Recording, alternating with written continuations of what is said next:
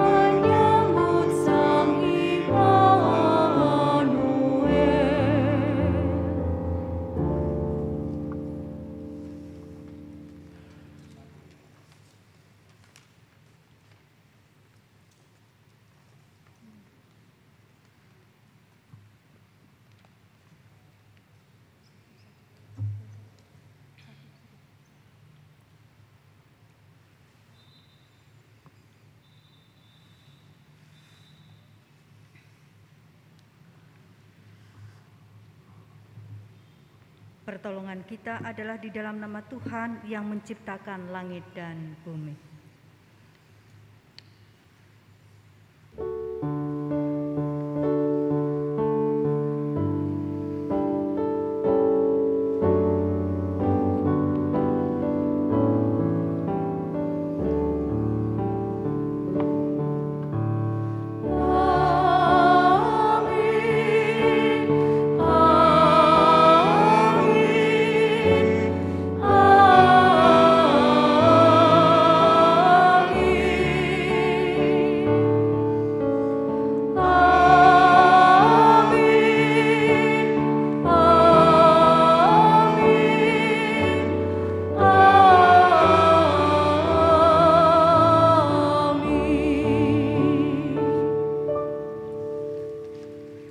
Dan damai sejahtera dari Tuhan menyertai saudari-saudara semua.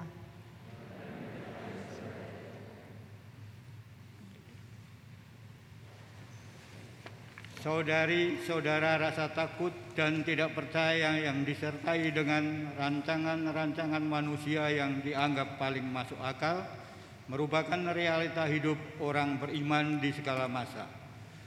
Sebaliknya, berani menunggu dan percaya adalah sikap iman yang tidak mudah namun indah. Inilah sikap iman yang diminta oleh Allah dan yang diserukan oleh rasul dan nabi. Sikap iman ini diajarkan dari generasi ke generasi sebab Allah sendiri telah menggenapi firman-Nya dalam Yesus Kristus. Menyanyikan Kidung Jemaat 85 ayat 1 dan 3.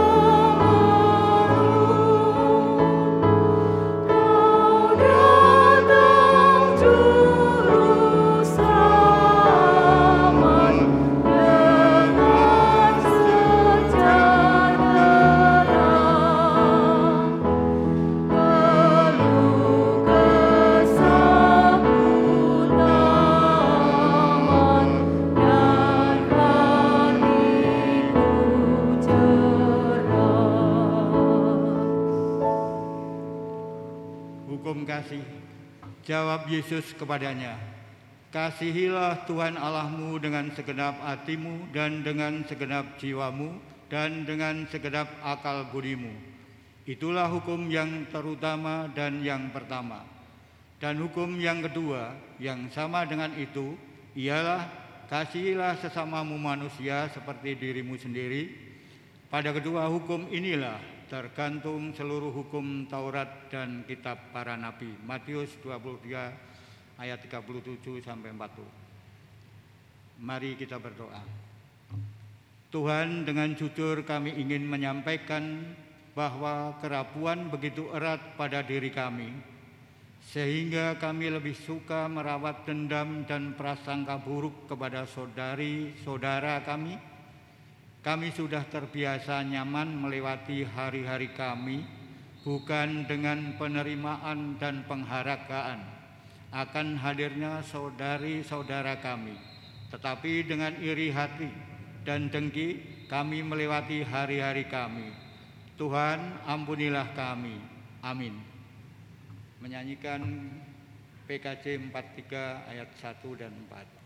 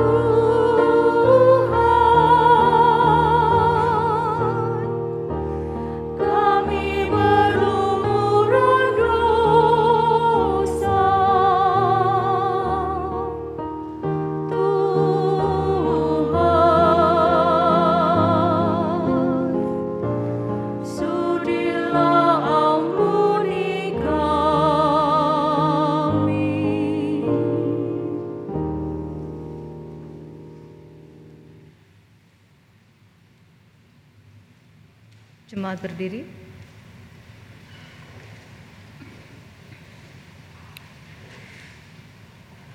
Karena belas kasihnya yang tidak terbatas, ia berkenan menerima ungkapan penyesalan dan pertobatan yang dinyatakan secara tulus oleh setiap manusia. Maka yang maha kasih mengerjakan pengampunan lewat karyanya, sekaligus menuntun orang yang sudah diampuni masuk dalam hidup baru sebagai ungkapan syukur. Berita anugerah diambil dari kitab 2 Tesalonika 2 ayat 16.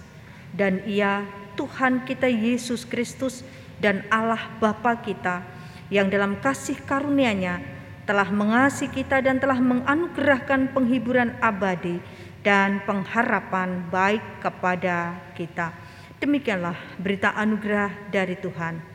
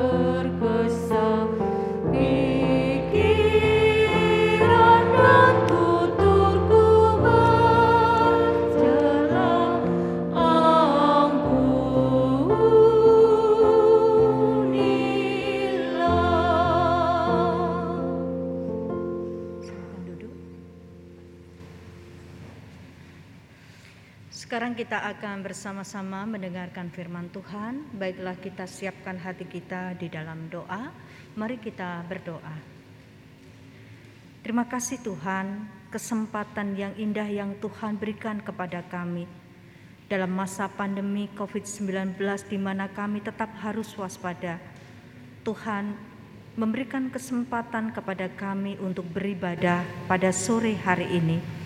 Karena itu ya Tuhan kami mohon berkat-Mu supaya kami boleh mendengar dan mengerti akan kehendak-Mu dalam hidup kami. Nyatakanlah firman-Mu kepada kami. Jemaat-Mu di tempat ini bersedia untuk mendengarkannya. Dalam Kristus Yesus kami berdoa. Amin.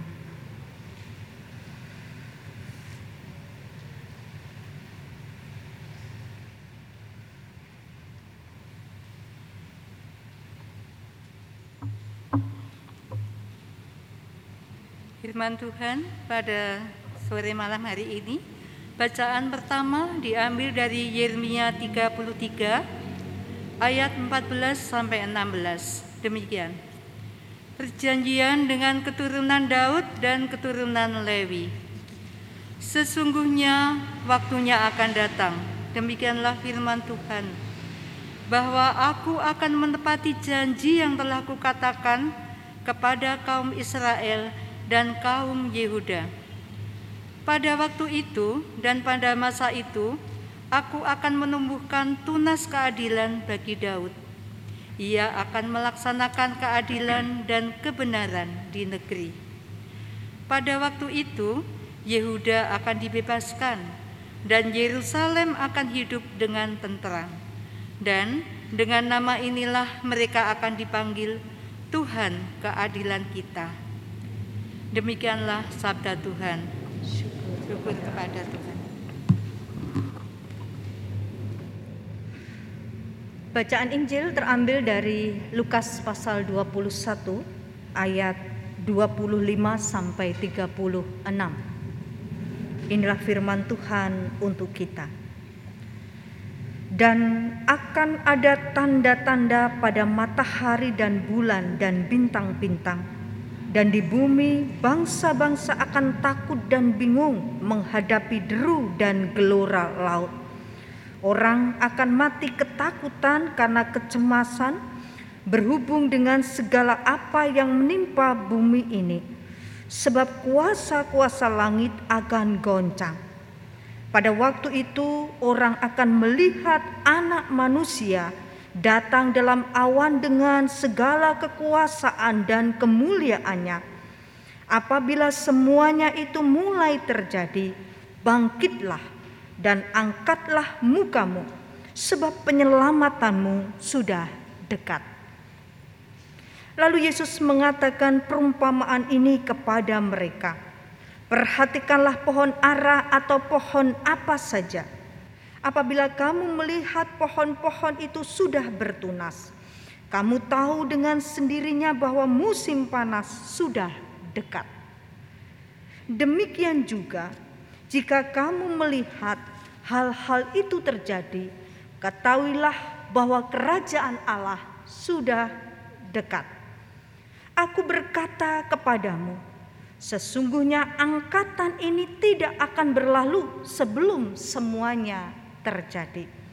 Langit dan bumi akan berlalu, tetapi perkataanku tidak akan berlalu.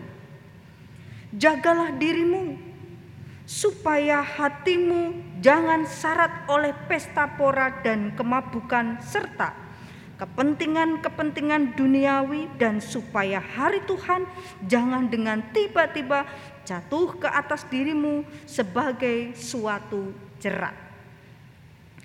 Sebab ia akan menimpa semua penduduk bumi ini.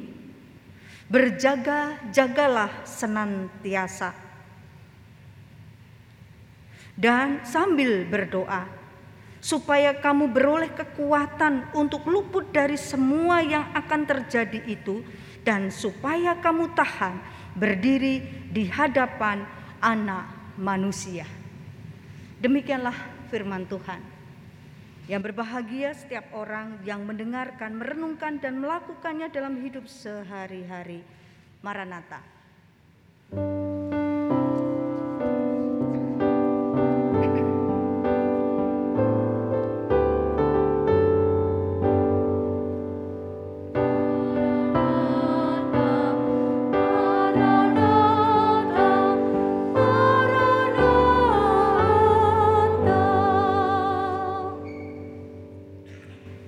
Saudara-saudara yang terkasih di dalam Tuhan, hari ini kita masuk pada minggu Advent yang pertama. Simbol yang nampak jelas secara kasat mata adalah penggunaan ornamen stola berwarna ungu dan penyalaan lilin yang pertama. Nanti kita akan masuk pada minggu kedua, ketiga dan itu nampak pada penyalaan lilin satu, dua, tiga dan sampai habis semuanya. Advent berasal dari kata Adventus. Adventus itu artinya penantian. Apa yang dinanti? Siapakah yang dinanti? Ada dua hal yang kemudian perlu kita pikirkan ketika kita bicara tentang penantian. Penantian yang pertama berkaitan dengan kedatangan Yesus yang pertama dalam peristiwa yang kita akan rayakan pada Natal 25 Desember yang akan datang. Dan sisi yang kedua ketika kita bicara tentang penantian adalah menanti kedatangan Tuhan Yesus yang kedua yang kemudian disebut dengan akhir zaman atau hari Tuhan atau dalam bahasa agama-agama disebut sebagai hari kiamat. Saudara, ketika kita berbicara tentang akhir zaman, selalu kita terjebak pada kondisi di mana orang lebih tertarik pada menentukan tanggal berapa hari Tuhan itu datang. Kalau kita masih ingat dengan persis kisah-kisah sebelumnya, maka kita akan mendengar bagaimana beberapa orang menyatakan secara detail bahwa hari Tuhan akan jatuh pada tanggal sekian, tahun sekian, dan lain sebagainya. Paling tidak ketika kita mendengar kisah tentang komunitas Eden di Bandung. Atau ketika kita mendengar tentang perhitungan hari Tuhan yang disebut kiamat menurut suku Maya. Semua itu mengarahkan kepada pengikutnya untuk melihat bahwa ini loh hari Tuhan itu akan datang pada waktu yang sudah ditentukan. Kenapa itu kemudian muncul di dalamnya? Kenapa ada orang yang berani untuk menyatakan bahwa hari Tuhan kiamat akan datang pada tanggal sekian, sekian, sekian? Tidak lain adalah ketika mereka berdasarkan kepada tanda-tanda yang mereka tangkap. Ketika kita membaca kitab ini, maka ditunjukkan kepada kita bahwa hari Tuhan itu akan datang didahului dengan tanda-tanda. Dan tanda-tanda itu cukup jelas yang kemudian dikatakan akan terjadi peperangan. Akan terjadi kondisi antara satu bangsa dengan bangsa lain akan berperang, antara satu kelompok dengan kelompok lain akan berperang. Bencana alam akan terjadi hebat dan yang terjadi ada, adalah ada sebuah perubahan di langit. Di mana kegoncangan ada di langit. Dan itu kemudian dilihat oleh mereka bahwa itulah tanda-tanda akhir zaman sebagaimana yang ditentukan oleh Alkitab dinyatakan kepada kita. Saudara yang terkasih, pertanyaan kritisnya adalah yang pertama. Pertanyaan kritisnya adalah yang pertama, apakah yang disebut dengan perang itu hanya terjadi pada masa sekarang? Apakah yang disebut dengan bencana alam hanya terjadi pada sekarang? Atau jauh sebelumnya dahulu juga ada bencana alam yang lebih hebat dari sekarang? Kalau kita bicara tentang perang, bukankah dulu lebih hebat perangnya daripada sekarang?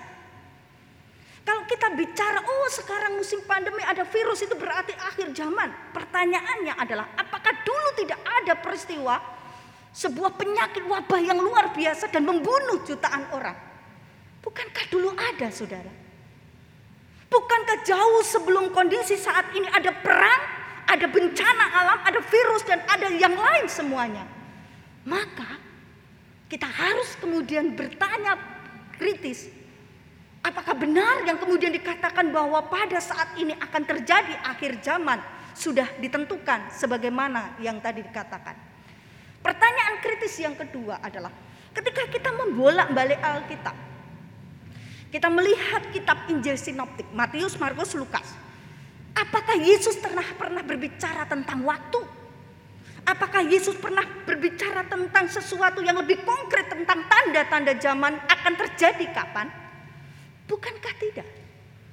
Selalu kita menemukan bahwa akhir zaman atau kedatangan anak manusia, kedatangan Allah yang ke, anak uh, Tuhan Yesus yang kedua hanya dikatakan seperti pencuri yang datang malam-malam dan tidak tahu kapan datangnya. Intinya yang mau saya katakan saudara yang terkasih adalah bahwa Yesus tidak pernah berbicara tentang waktu. Karena itu jangan terjebak dan jangan panik ketika banyak orang mengatakan oh akan terjadi tanggal sekian dan lain sebagainya. Tidak. Tetapi Yesus sedang berbicara tentang bahwa akhir zaman itu nyata, konkret dan pasti akan terjadi. Bahwa Yesus akan datang yang kedua kali dalam hidup ini, iya itu yang terjadi.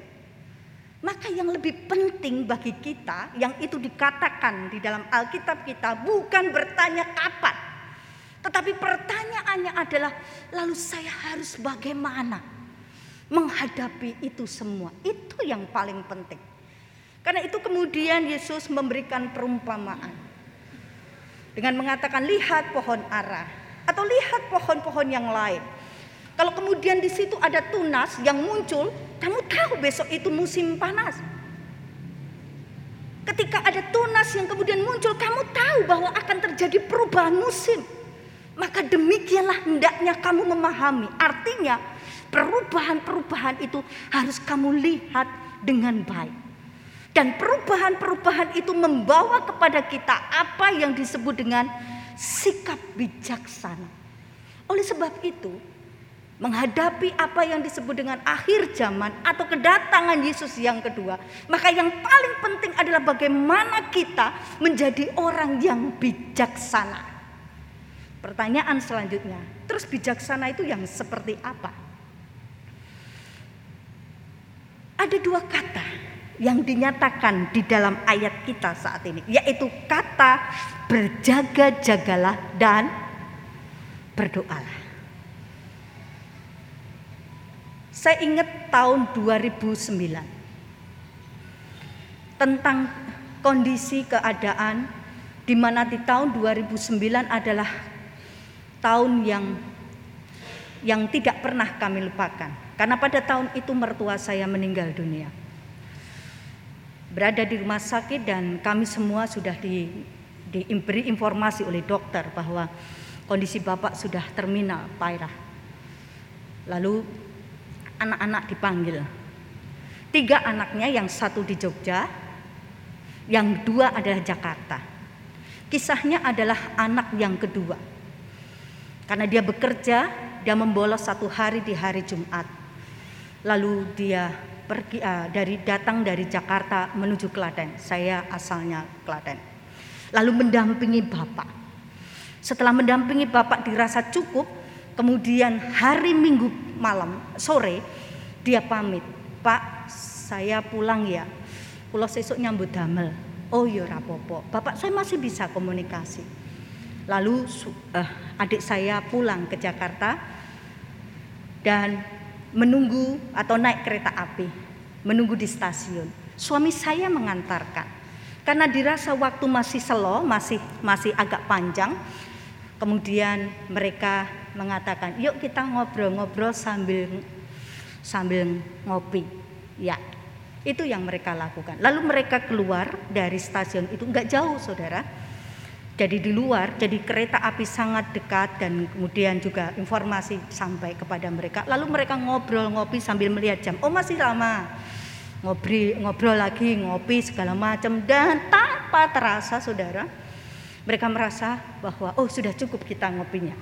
Sudah habis, lalu kemudian mereka masuk ke stasiun. Dan ketika mereka masuk ke stasiun, mereka baru sadar bahwa jamnya sudah lewat. Mereka bertanya kepada petugas dan mengatakan, Pak kereta menuju Jakarta jam sekian gimana? Wah sudah lewat dari tadi mas. Telat. Loh masnya di mana? Saya di depan. Tadi ngopi. Dah gimana sih? Dan akhirnya harus beli tiket untuk yang malam supaya bisa tiba besok pagi. Saudara, itu kereta. Artinya yang mau saya katakan adalah kalau kita terlambat, kita masih bisa beli tiket kereta atau juga pesawat. Tapi kalau kematian tentang hidup, kita tidak bisa untuk kemudian mengatakan, "Oke, okay, saya beli lagi." Persoalannya adalah bahwa adik saya dan suami saya tahu kereta itu jam sekian. Tetapi mereka terlena karena saking asik ngobrol, mereka kemudian makan minum dan lain sebagainya sehingga mereka tidak ngeh, mereka tidak kemudian berjaga-jaga bahwa pada akhirnya kereta itu datang. Saudara, kadang itu yang terjadi. Dan itulah yang kemudian dikatakan dalam kitab Injil Lukas, yaitu ketika kita bicara tentang berjaga-jaga. Apa sih artinya berjaga-jaga? Berjaga-jaga itu artinya bahwa pikiran kita fokus kepada Allah. Berjaga-jaga itu artinya pikiran kita, perhatian kita fokus tentang apa yang kita harapkan, apa yang kita hendak raih, apa yang kita pertahankan. Berjaga-jaga itu berada dalam situasi waspada apa yang kita harapkan terjadi di dalam kehidupan kita. Berjaga-jaga artinya ketika pikiran kita fokus pada kedatangan Tuhan yang kedua dalam hidup kita.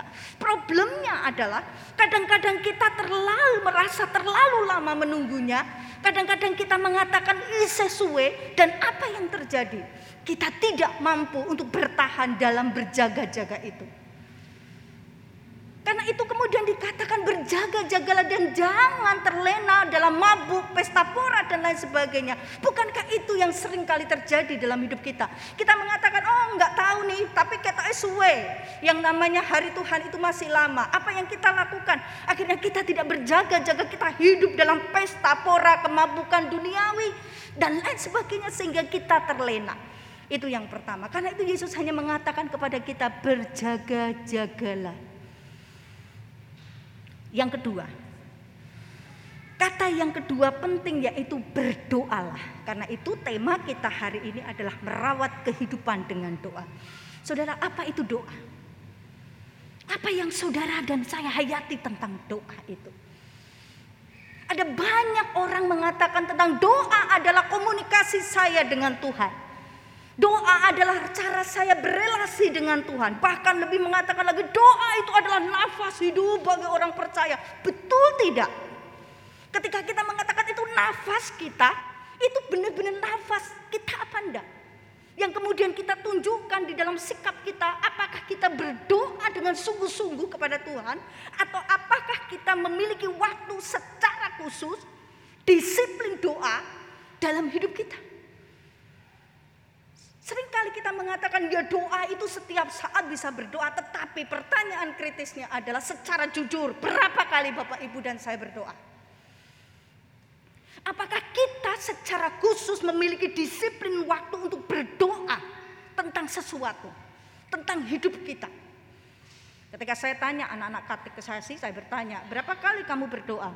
Mereka jawab, ya empat kali kayaknya Bu mau makan pagi, siang, malam, terus sebelum tidur. Udah, kalau mau berangkat enggak sih, kadang doa, kadang enggak. Saudara, kalau demikian, apakah itu nafas bagi kehidupan kita? Menurut saya menarik. Kitab Injil Lukas itu ditulis oleh seorang dokter. Dia mempunyai background seorang dokter, artinya dia mau menunjukkan kepada kita bahwa ketika kita tidak mampu untuk menyelesaikan persoalan kita dan kita merasakan bahwa kita tidak mampu untuk kemudian menyembuhkan fisik kita, maka yang diperlukan dalam situasi seperti itu adalah doa. Doa adalah ketika kita berusaha menggantungkan hidup kita dengan Tuhan. Dan doa adalah ketika kita sadar akan kerapuhan kita sebagai manusia. Dan karena kerapuhan itu kita meminta Allah datang kepada kita dan menolong kita. Dan menurut saya menarik karena kemudian kitab Injil Lukas bicara bahwa doa bukan hanya sekedar relasi kita dengan Allah. Tetapi doa itu adalah kekuatan bagi kita. Jadi ketika kita tidak memiliki kekuatan apa pun, kepandaian kita, uang kita dan segala sesuatu kita tidak mampu selesaikan dengan semua itu, maka yang perlu dikatakan berjaga-jagalah dan berdoalah. Kalau ada seorang dokter melihat pasiennya sudah terminal, sudah mau meninggal dunia, apa yang mereka katakan? Biasanya mereka akan mengatakan, saat niki sing penting dedonga pasrah. Mungkin mujizat akan terjadi, tapi keluarga kudu siap-siap. Yang paling penting apa? Didongake. Loh, itu toh. Jadi ketika kita menghadapi situasi sulit di dalam kehidupan kita, maka yang paling penting adalah bagaimana kita menjaga hidup kita adalah dengan berjaga-jaga dan berdoa. Ada sebuah perang yang sangat sengit pada saat itu dan ada tentara yang tertembak. Dia tertembak sangat parah dan ada di tengah gelanggang perang itu, Saudara. Orang-orang yang melihatnya, terutama kubu dari Amerika melihat itu dan kemudian mereka khawatir. Tuh, gimana tuh? Ada dilema yang muncul. Yang pertama adalah kalau kemudian saya menolongnya, oh itu berbahaya karena peluru berdesingan di sekitar mereka. Nanti kalau mereka menolong tentara itu bisa-bisa mereka mati. Bukan hanya dia tetapi juga orang itu. Tapi kalau mereka tidak menolongnya, lalu apa yang terjadi? Orang itu pasti mati. Banyak yang kemudian maju mundur, maju mundur untuk menolongnya. Iya apa tidak ya? Iya apa tidak? Ada seorang pemuda dan juga adalah seorang tentara. Dia melihat temannya itu. Dia ingin sekali menolong dia. Tapi kadang-kadang ketika dia mau menolongnya, dia sebentar-sebentar melihat jamnya. Lalu melihat tentara yang terluka itu. Aduh, gimana ya? Lihat lagi jamnya. Lihat lagi jamnya. Waduh, gimana ya? Kemudian dia lihat jamnya dan kemudian ketika dia melihat jamnya kemudian dia lari mendapatkan tentara yang terluka itu dan membawanya ke tempat yang aman. Komandannya bertanya kepada dia, "Kenapa dari enggak dari tadi kamu tolong dia? Harusnya dari tadi kalau kamu itu berani menolong dia." Apa jawabnya, Saudara? Dia menjawab begini, "Pak Komandan, saya dari tadi lihat jam, lihat jam. Kenapa begitu? Karena saya menunggu tepat pukul 9 pagi. Kenapa kamu harus menunggu jam 9 pagi? Karena pada jam itu saya sudah punya janji sama ibu dan bapak saya sebelum saya berperang. Bahwa jam 9 pagi mereka selalu akan berdoa untuk saya. Karena itulah Kenapa saya harus menunggu jam 9 pagi? Karena saya percaya ketika saya maju ke depan, bapak dan ibu saya mendoakan saya supaya saya selamat. Yang ingin dikatakan, doa adalah perlindungan bagi kehidupan kita. Doa itu melindungi anak-anak kita. Doa itu melindungi karir kita. Doa itu melindungi studi kita. Doa itu melindungi kehidupan kita. Karena di dalam doa kita sedang meminta dan mengharapkan kekuatan yang ilahi ada bekerja bersama dengan kita. Dan doa itu adalah sebuah kekuatan yang besar di dalam kehidupan kita ketika kita merasa putus asa dan tidak mampu menyelesaikan masalah dalam hidup kita. Saudara, ada saat di mana kita merasa betul-betul frustasi dalam hidup kita. Saya ingin menunjukkan sebuah uh, doa. Doa yang Bapak Ibu teman-teman pasti tahu yaitu doa yang diajarkan oleh Fransiskus dari Assisi. Oke, baik. Ya. Mari kita memperhatikan apa yang kita pergumulkan dalam hidup kita saat ini. Apakah kita sedang tidak damai? Apakah kita dalam kondisi kita sedang berada dalam kondisi saya merasa terhina. Apakah saya kemudian dalam kondisi saya sedang berada di dalam kesulitan air mata dan lain sebagainya. Perhatikan doa ini. Dan baiklah ini kemudian kita coba untuk kita renungkan dan kita lafalkan dalam kehidupan kita. Dan di situ kita akan menemukan kekuatan.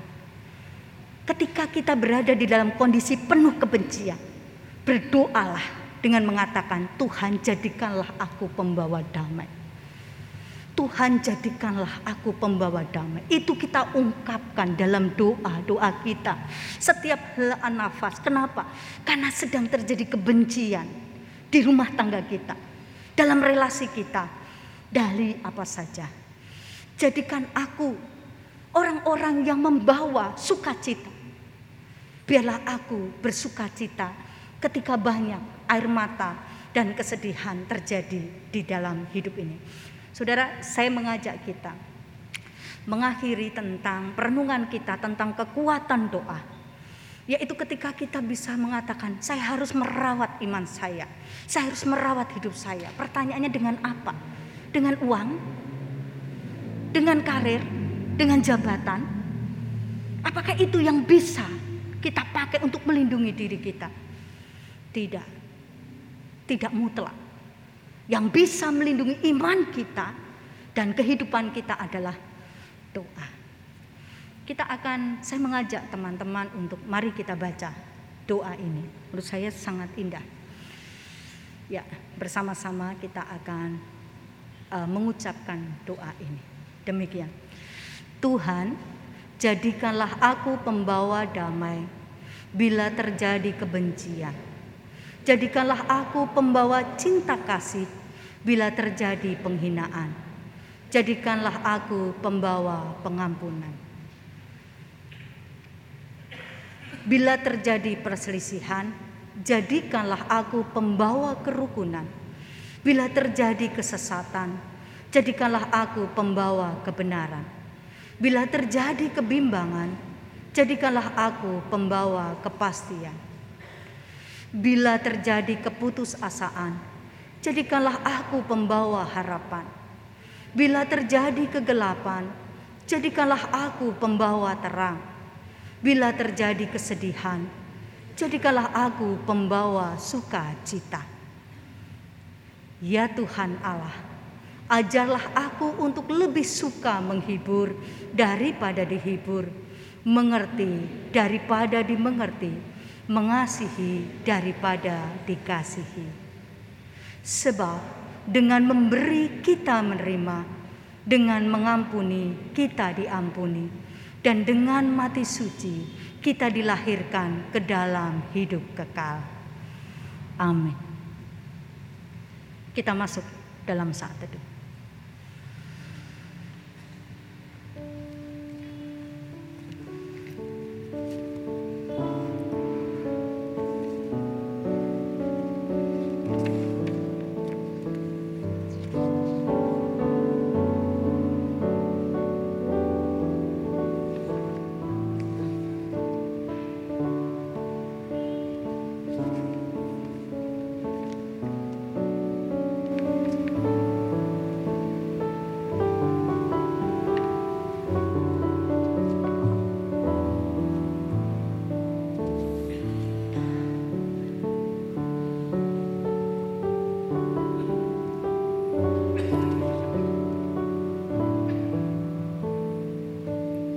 Jemaat kami persilakan untuk berdiri.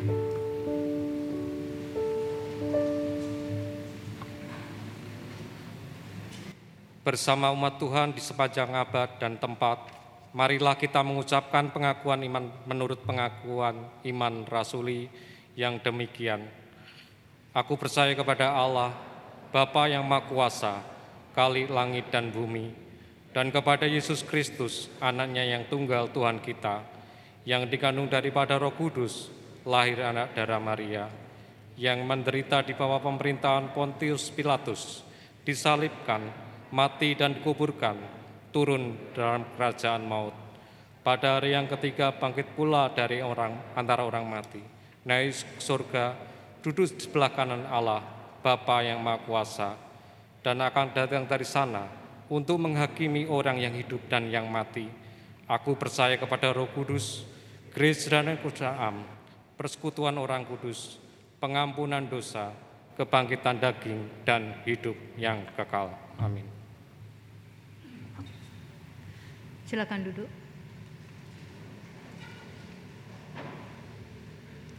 Mari saudara-saudara kita berdoa bersama-sama. Kami bersyukur sore hari ini dalam minggu Advent yang pertama.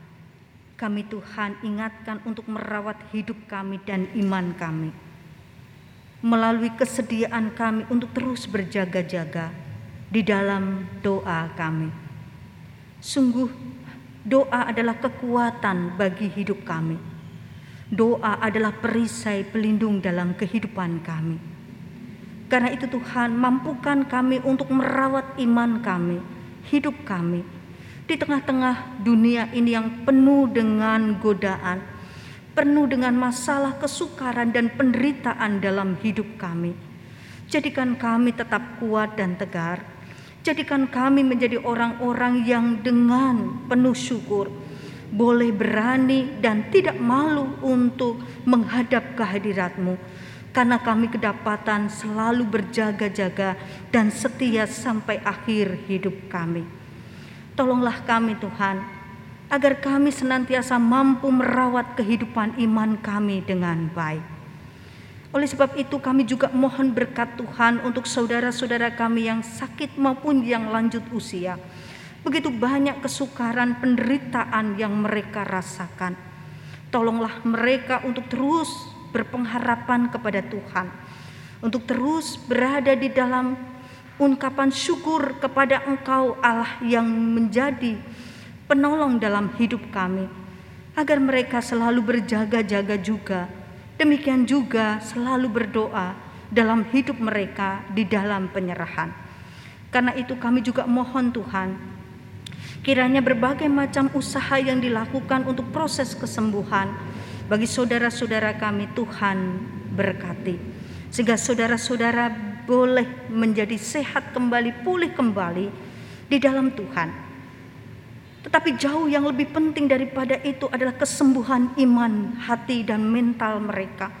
Bahwa apa pun tidak akan pernah membuat kami takut dan gentar, termasuk sakit penyakit dan penderitaan hidup kami, karena kami percaya bahwa kami adalah milik Tuhan, bahwa Engkau adalah Allah, Sang Pelindung dalam kehidupan kami.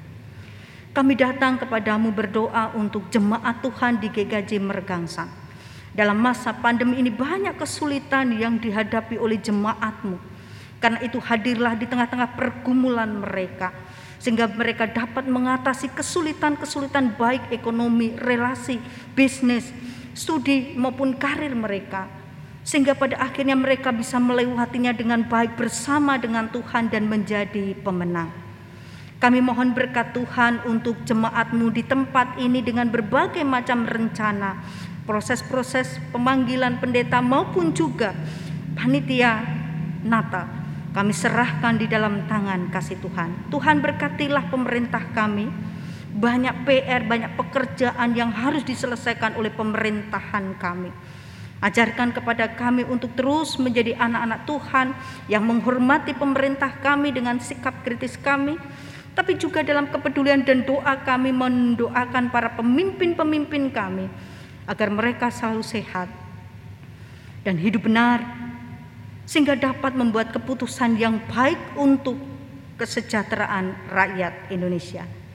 Kami menyerahkan Tuhan semuanya di dalam tangan kasih Tuhan dengan menyadari betapa rapuhnya kami sebagai manusia. Banyak hal yang terjadi dalam kehidupan kami karena kerapuhan kami. Mampukan kami terus untuk berjaga-jaga dan juga selalu berdoa. Di dalam kerapuhan kami dengan percaya, Tuhan yang baik adalah Tuhan yang memberikan kekuatan dan penolong bagi kami. Di dalam nama Yesus Kristus, yang kami nantikan kedatangannya yang kedua, kami berdoa. Amin.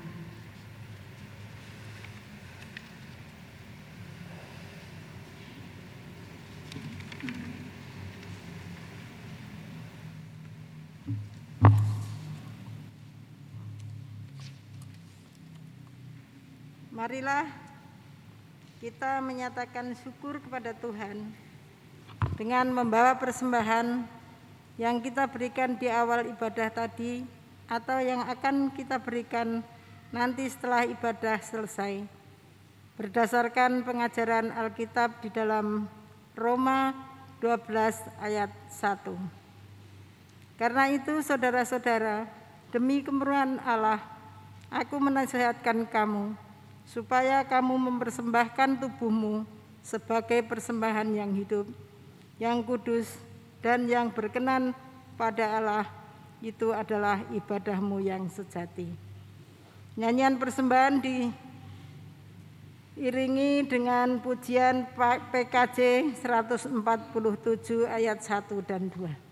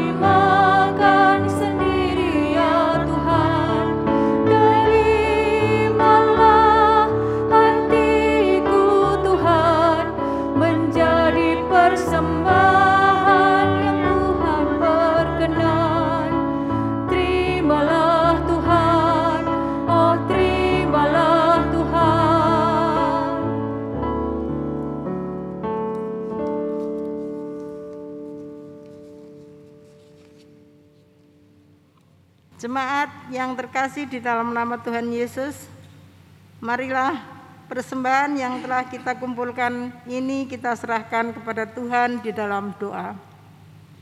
Ya Tuhan, terimalah persembahan yang telah kami kumpulkan ini.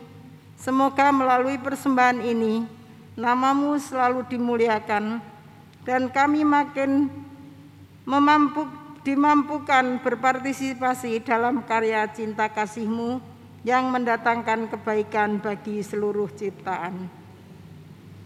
Kami telah menerima sabdamu melalui hambamu Ibu Pendeta Epi Heni Hartiningsih Emin. Mohon kiranya roh kudus memiming kami sekalian sehingga sabda Kristus yang kekal menjadi suluh bagi kehidupan kami dan segala hal yang baik yang Bapa rindukan menjadi terjadi dalam kehidupan seluruh ciptaanmu di dunia ini. Dalam nama Tuhan Yesus yang telah mengajarkan kami berdoa. Bapa kami yang di surga, dikuduskanlah namamu, datanglah kerajaanmu, jadilah kehendakmu di bumi seperti di surga. Berikanlah kami pada hari ini makanan kami yang secukupnya, dan ampunilah kami akan kesalahan kami, seperti kami juga mengampuni orang bersalah kepada kami. Dan janganlah membawa kami ke dalam pencobaan, tapi lepaskanlah kami daripada yang jahat. Karena engkaulah yang punya kerajaan dan kuasa dan kemuliaan sampai selama-lamanya. Amin.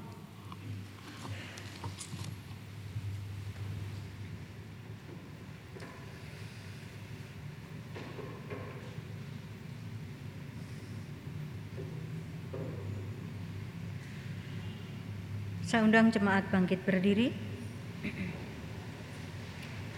Dengan penuh pengharapan marilah kita meneruskan ibadah kita saat ini dalam kehidupan keseharian kita. Terus kerjakan apa yang sibuk kita doakan dan doakan apa yang sibuk kita kerjakan. Hari depan tidak sepenuhnya kita tahu, yang pasti kita tahu adalah penyertaan Tuhan dalam hidup kita.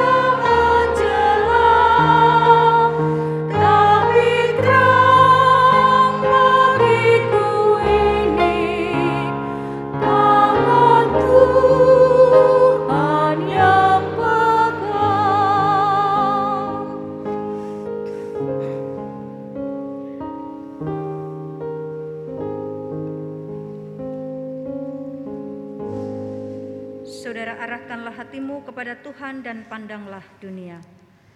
Kami mengarahkan hati kepada Tuhan dan memandang. Jadilah saksi Kristus, Kami siap menjadi saksinya, terpujilah Tuhan. kini dan selamanya. Sekarang terimalah berkat dari Tuhan. Tuhan memberkati saudara dan melindungi saudara. Tuhan menyinari saudara dengan wajahnya dan memberi saudara kasih karunia. Tuhan menghadapkan wajahnya kepada saudara dan memberi saudara damai sejahtera. Amin.